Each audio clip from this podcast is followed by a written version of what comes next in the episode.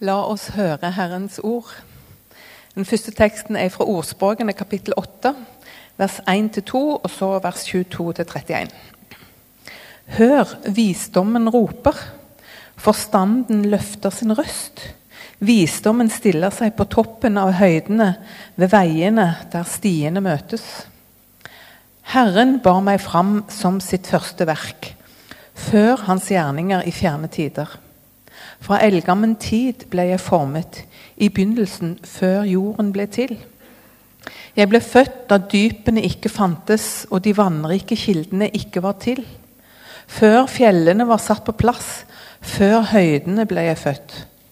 Han hadde ennå ikke laget jorden og marken og landjordens første støvkorn. Jeg var der da han grunnfestet himmelen og risset opp himmelranden over dypet da han ga kraft til skyene der oppe, og kildene i dypet fikk styrke. Da han satte grenser for havet, så vannet stanset der han befalte. Da han risset opp jordens grunnvoller. Jeg var byggmester hos ham. Jeg var til glede for ham dag etter dag, og lekte stadig for hans ansikt. Jeg lekte på hans hvite jord og gledet meg med menneskene.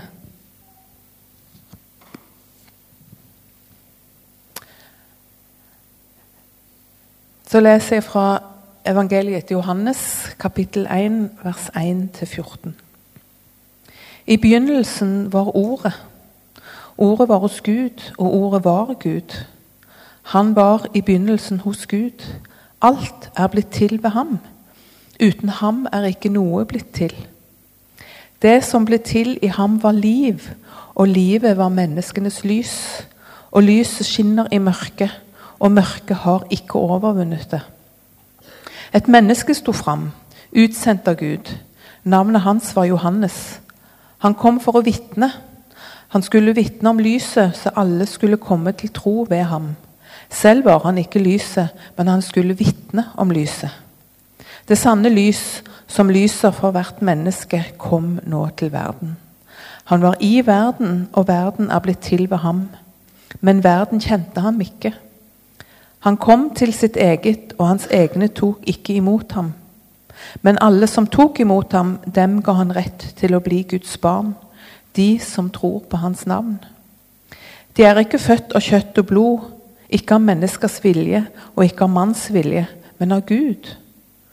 Og ordet ble menneske og tok blodlig iblant oss, og vi så hans herlighet en herlighet som den enbårne sønn har fra sin far, full av nåde og sannhet. Slik lyder Herrens ord.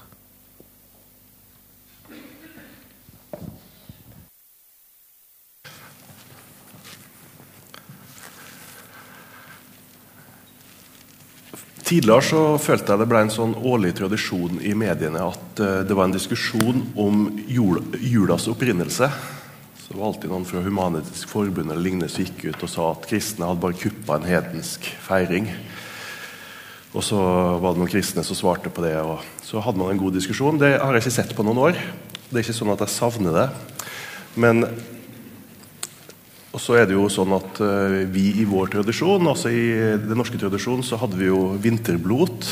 Og det holder vi jo godt i hevd med julebordet gjennom desember. Så det blir liksom ivaretatt. Men jeg klarte aldri å engasjere meg i den diskusjonen, for jeg, jeg klarte aldri å se problemet. For selvfølgelig ble Jesus født da sola snudde. Selvfølgelig feirer vi jul og Jesu fødsel når sola snudde. For det som skjer i naturen hvert år rundt juletider, det var det som skjedde da Jesus ble født. Hver jul så snur sola. Og dagene begynner å bli lysere og lysere. Naturen vitner om at enda en gang overvinner lyset mørket. Så selvfølgelig feirer vi jul da. Selvfølgelig ble verdens lys født da. For det som skjer i naturen hvert år, det var det som skjedde da Jesus ble født. Lyset overvant mørket. Det sanne lys kom for å lyse opp. Og siden Jesus kom, siden verdens lys kom, så har ikke mørket klart å overvinne lyset. Der Lukas og Matteus evangeliet primært bruker Jesu fødsel til å plassere Jesus historisk eller i riktig slekt, så beskriver Johannes mer det kosmiske. Johannes tar noen skritt tilbake og ser det store bildet. Han beskriver hva som skjedde med universet. Hva som skjedde i det store perspektivet.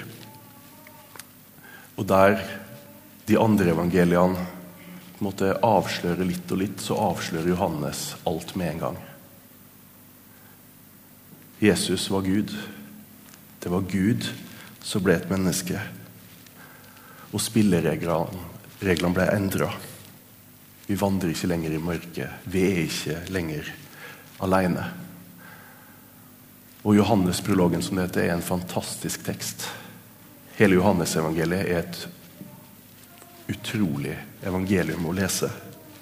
Og Det sies at Johannes-evangeliet det er så grunt at et spedbarn kan plaske i det, men det er også så dypt at en elefant kan drukne.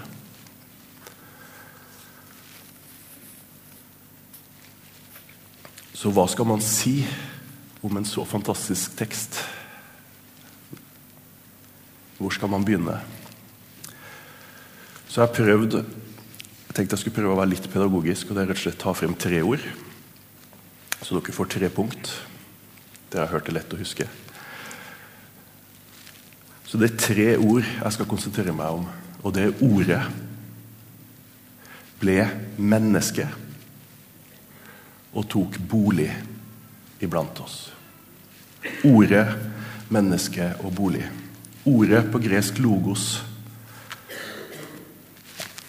Der legger vi merke til med en gang i Johannes-evangeliet at Johannes bruker skaperspråk. Og Han sier det jo rett ut at ved ham er alt blitt til. Ordet var det som skapte. Ordet var der ved tidens opprinnelse og skapte. Og det som ordet nevnte, det ble til. Når Gud skapte, så nevnte han, og så skjedde det. Og nå skal ordet skape noe nytt.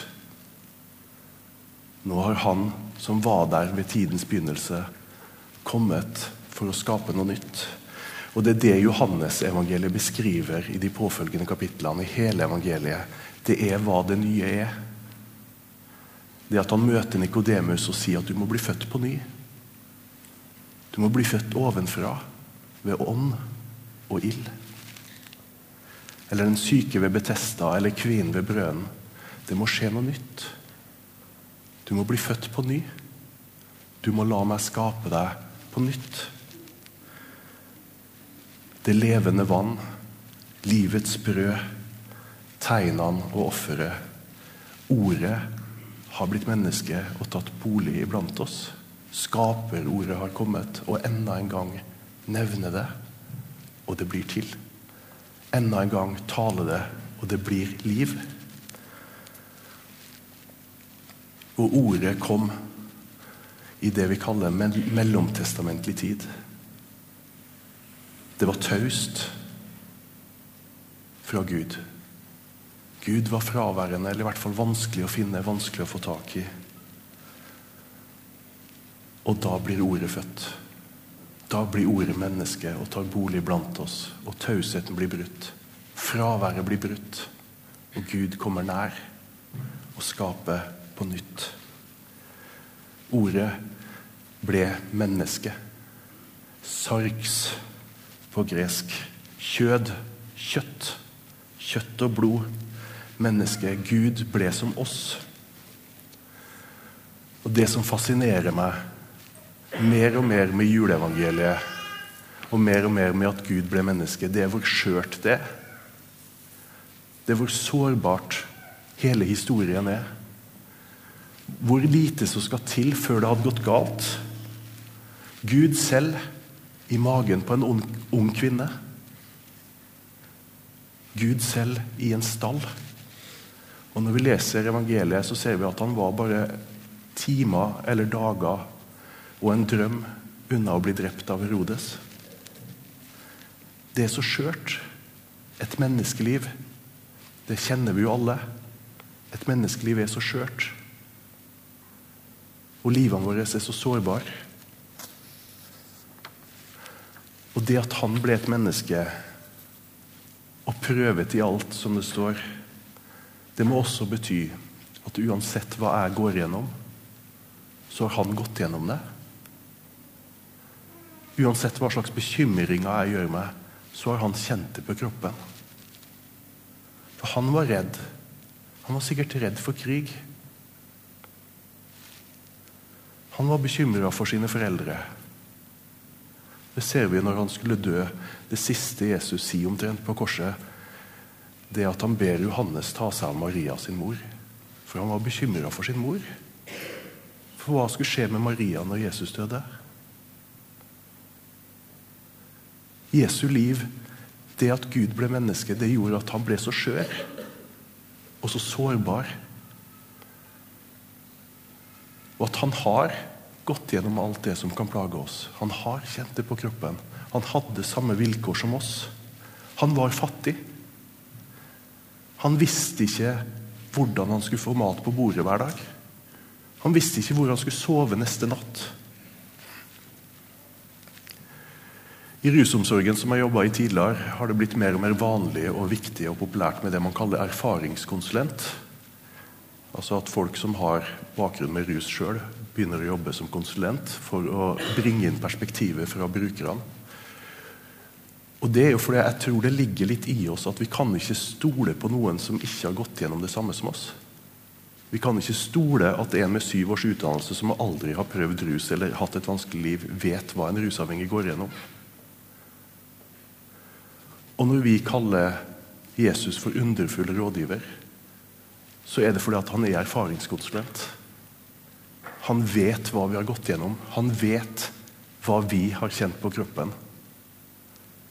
Han kommer ikke ovenfra og ned med teoretiske meninger, men han går sammen med oss i noe han sjøl har gått foran i. Gud ble menneske. Vi kan kjenne Gud, men enda større så betyr det at vi er kjent av Gud. Han kjenner oss og vet om oss. Ordet ble menneske og tok bolig iblant oss. Bolig, det greske ordet, er tabernakel. Tabernakelet, og det er det samme ordet som er brukt i Johannesevangeliet, som er brukt i Septuaginta, altså den greske oversettelsen av Gamle testamentet. Når det snakkes om tabernaklet i ørkenen. Gud ble menneske og tabernaklet iblant oss. Og tabernaklet er et symbol på Guds hellighet. Det var der Guds fylde bodde på jord. Og det, Hvis du leser Mosebøkene hver gang de slo opp tabernaklet, og når de var ferdige å bygge tempelet seinere, så sto det at Guds herlighet fylte tabernaklet. Og Guds herlighet, som er så fantastisk og så vill og voldsom, at Moses ikke kunne få se ansiktet til Gud. Men Gud lot sin herlighet fylle tabernaklet. Det er hele Guds fylde. Det er alt hans nærvær. Og Johannes kunne ha valgt hvilket som helst annet gresk ord for å beskrive nærværet og at han kom. Men han valgte det ordet, for det som skjedde, det var at Guds herlighet Guds fylde tok bolig blant oss. Og vi kan lett dra linjene videre til pinsedag. At Guds herlighet og Guds fylde tok bolig i oss. Det voldsomme, det kraftige, det mektige ble lite og kom nært. Ble lite og tok bolig iblant oss og i oss. På tirsdag hadde vi bibelundervisning her i Storsalen. og Merete Hoth trakk fram en inskripsjon som var funnet ni år før Kristus. som beskrev Herodes, altså Cæsar Herodes. Og det var som å lese juleevangeliet når hun leste det. For der ble det skrevet om Herodes at han må vi hylle, for han skapte fred. Han må vi tilbe, for han skapte orden der det var kaos. Og han er verdens lys. Så er det akkurat som at juleevangeliene de kommer og stille opp den kulturen og tida de blir skrevet i, som en relieff mot seg sjøl. Der du har Herodes og Slottet og det mektige og sånn som vi tenker på storhet. Og så går Gud en helt annen vei. For det sanne lys ble ikke født i et slott, men i en stall. Det sanne lys kom ikke til de rike og de mektige, men til alle.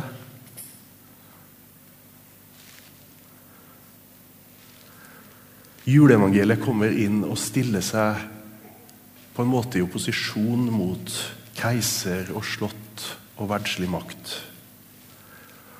Og mot tempel, spesielle mennesker og riter og ofring. Og si dere trenger ikke lenger et slott, for Gud er å finne hos den fattige. Dere trenger ikke lenger et tempel, for dere er tempelet. Dere trenger ikke lenger å bringe offer, for jeg er offeret, sier Jesus.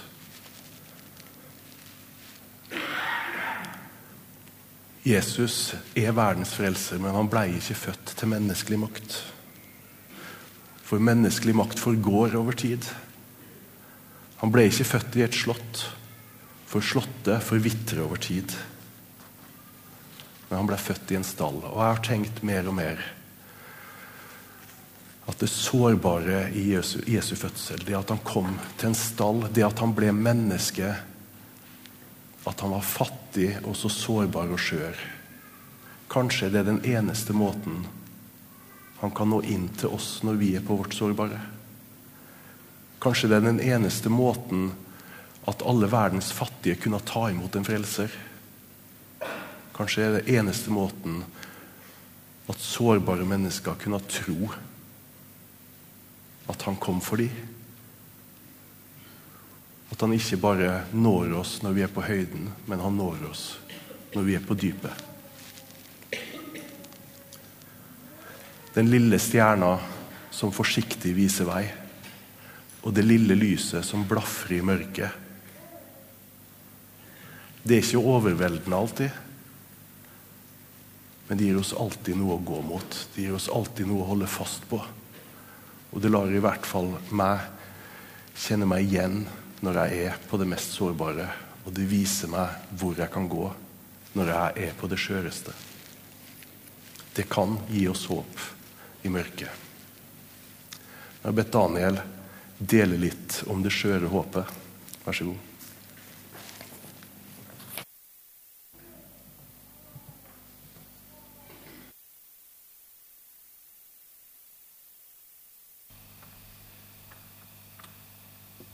For eh, noen år siden så kom det ut en sang eh, som eh, heter 'Silent Night, Holy Night' slash 'Smile in the Mystery'. Og, og den sangen den traff meg ikke bare i hodet, men også i, i, hjertet og litt sånn i magen. Så den har liksom blitt ved meg hver jul. Det er en av, eh, en av de sangene jeg virkelig liksom går og hører på. og nærmest liksom blir i. Og 'Silent Night' den har du ikke hørt før. Men den andre delen som kommer, den går sånn. Det er bare fire linjer, og det går igjen. Og det er Invisible, the hope grows. In the black, where nobody knows.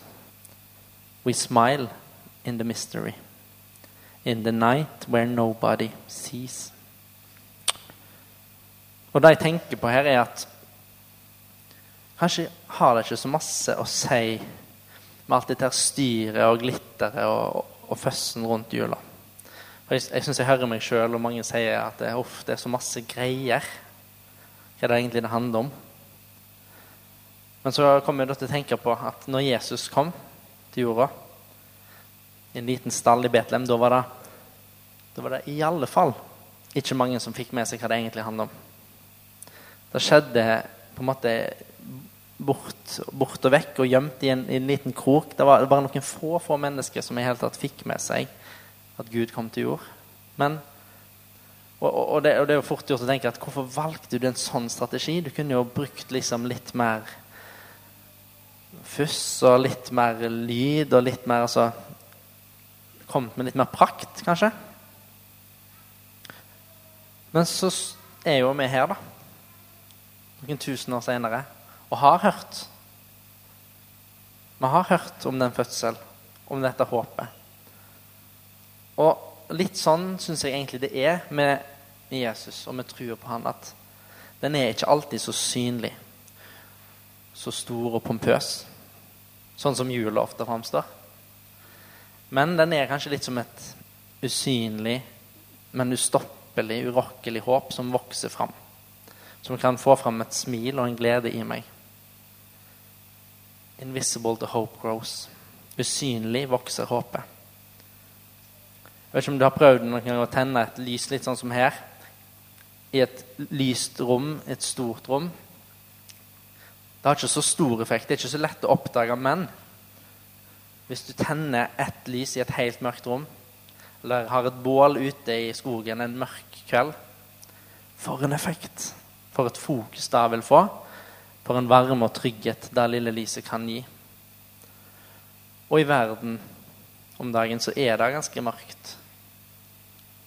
Det er krig og uro, det er ustabilitet og frykt, og det er òg kanskje masse ensomhet, angst, depresjon Vanskelige ting som vi står i rundt oss og i oss.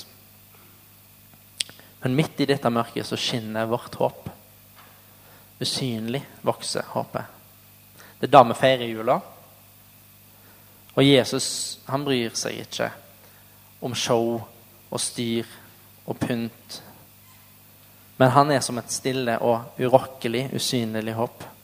Et mysterium vi kan stole på og lene oss på og bygge livene våre på. Jesus lar seg ikke stoppe av Black Friday-salg eller Coca-Cola-reklame eller juleribbe og svor og julefilmer og hva nå enn. Nei, Jesusbarnet lar seg ikke rokke. Det er kanskje vanskelig å se og oppdage Jesus i alt støyet rundt oss, men da blir det opp til oss å lukke øynene og huske på at usynlig vokser håpet. Og da kan lovsangstimen komme opp, for jeg har en oppfordring og et ønske for oss alle, og det er at nå når verden er nettopp så mørk, når det er så mye ondt og kanskje litt sånn håpløshet rundt oss, så kan kanskje ryggmargsrefleksen si at nei, men da kan vi jo ikke synge 'deilig er jorden' og 'fred over jorden'. og Vi kan ikke også synge alle disse her budskapene om fred og glede når det, når, når det er så lite fred. Men jeg har lyst til å snu på det og si at nettopp derfor så må vi synge det. Ja, vi skal synge det. Vi skal be det, vi skal rope det. At deilig er jorden. Fred over jorden. For lyset skinner i mørket, og mørket har ikke overvunnet mørket. Da kan vi minne hverandre på, oss sjøl på, og verden rundt oss på. Igjen og igjen. Nå synger vi en sang, nå synger vi denne sangen om nettopp dette her mysteriet. Dette håpet som vokser. Vi synger det ikke bare som en fin sang om, om håp, som vi er gode herrer på. Nei, vi ber det som en kampsang for oss sjøl, de rundt oss og hele verden. For Ukraina, for Gaza, for, for alle de skjebnene som du vet om, som, som trenger håp. En håpsang om at det vi kjenner, det skal få lov til å komme nær. At vi kan få lov til å tro på det, ikke bare tenke det, men faktisk tro på det. Så da synger vi den sangen. Teksten kommer opp på veggen. Men eh, du kan gjerne bare bli med og, og, lytte og be sammen med oss. Og være med og synge hvis du trenger det. Da synger vi 'Silent Night', 'Smile in the Mystery'.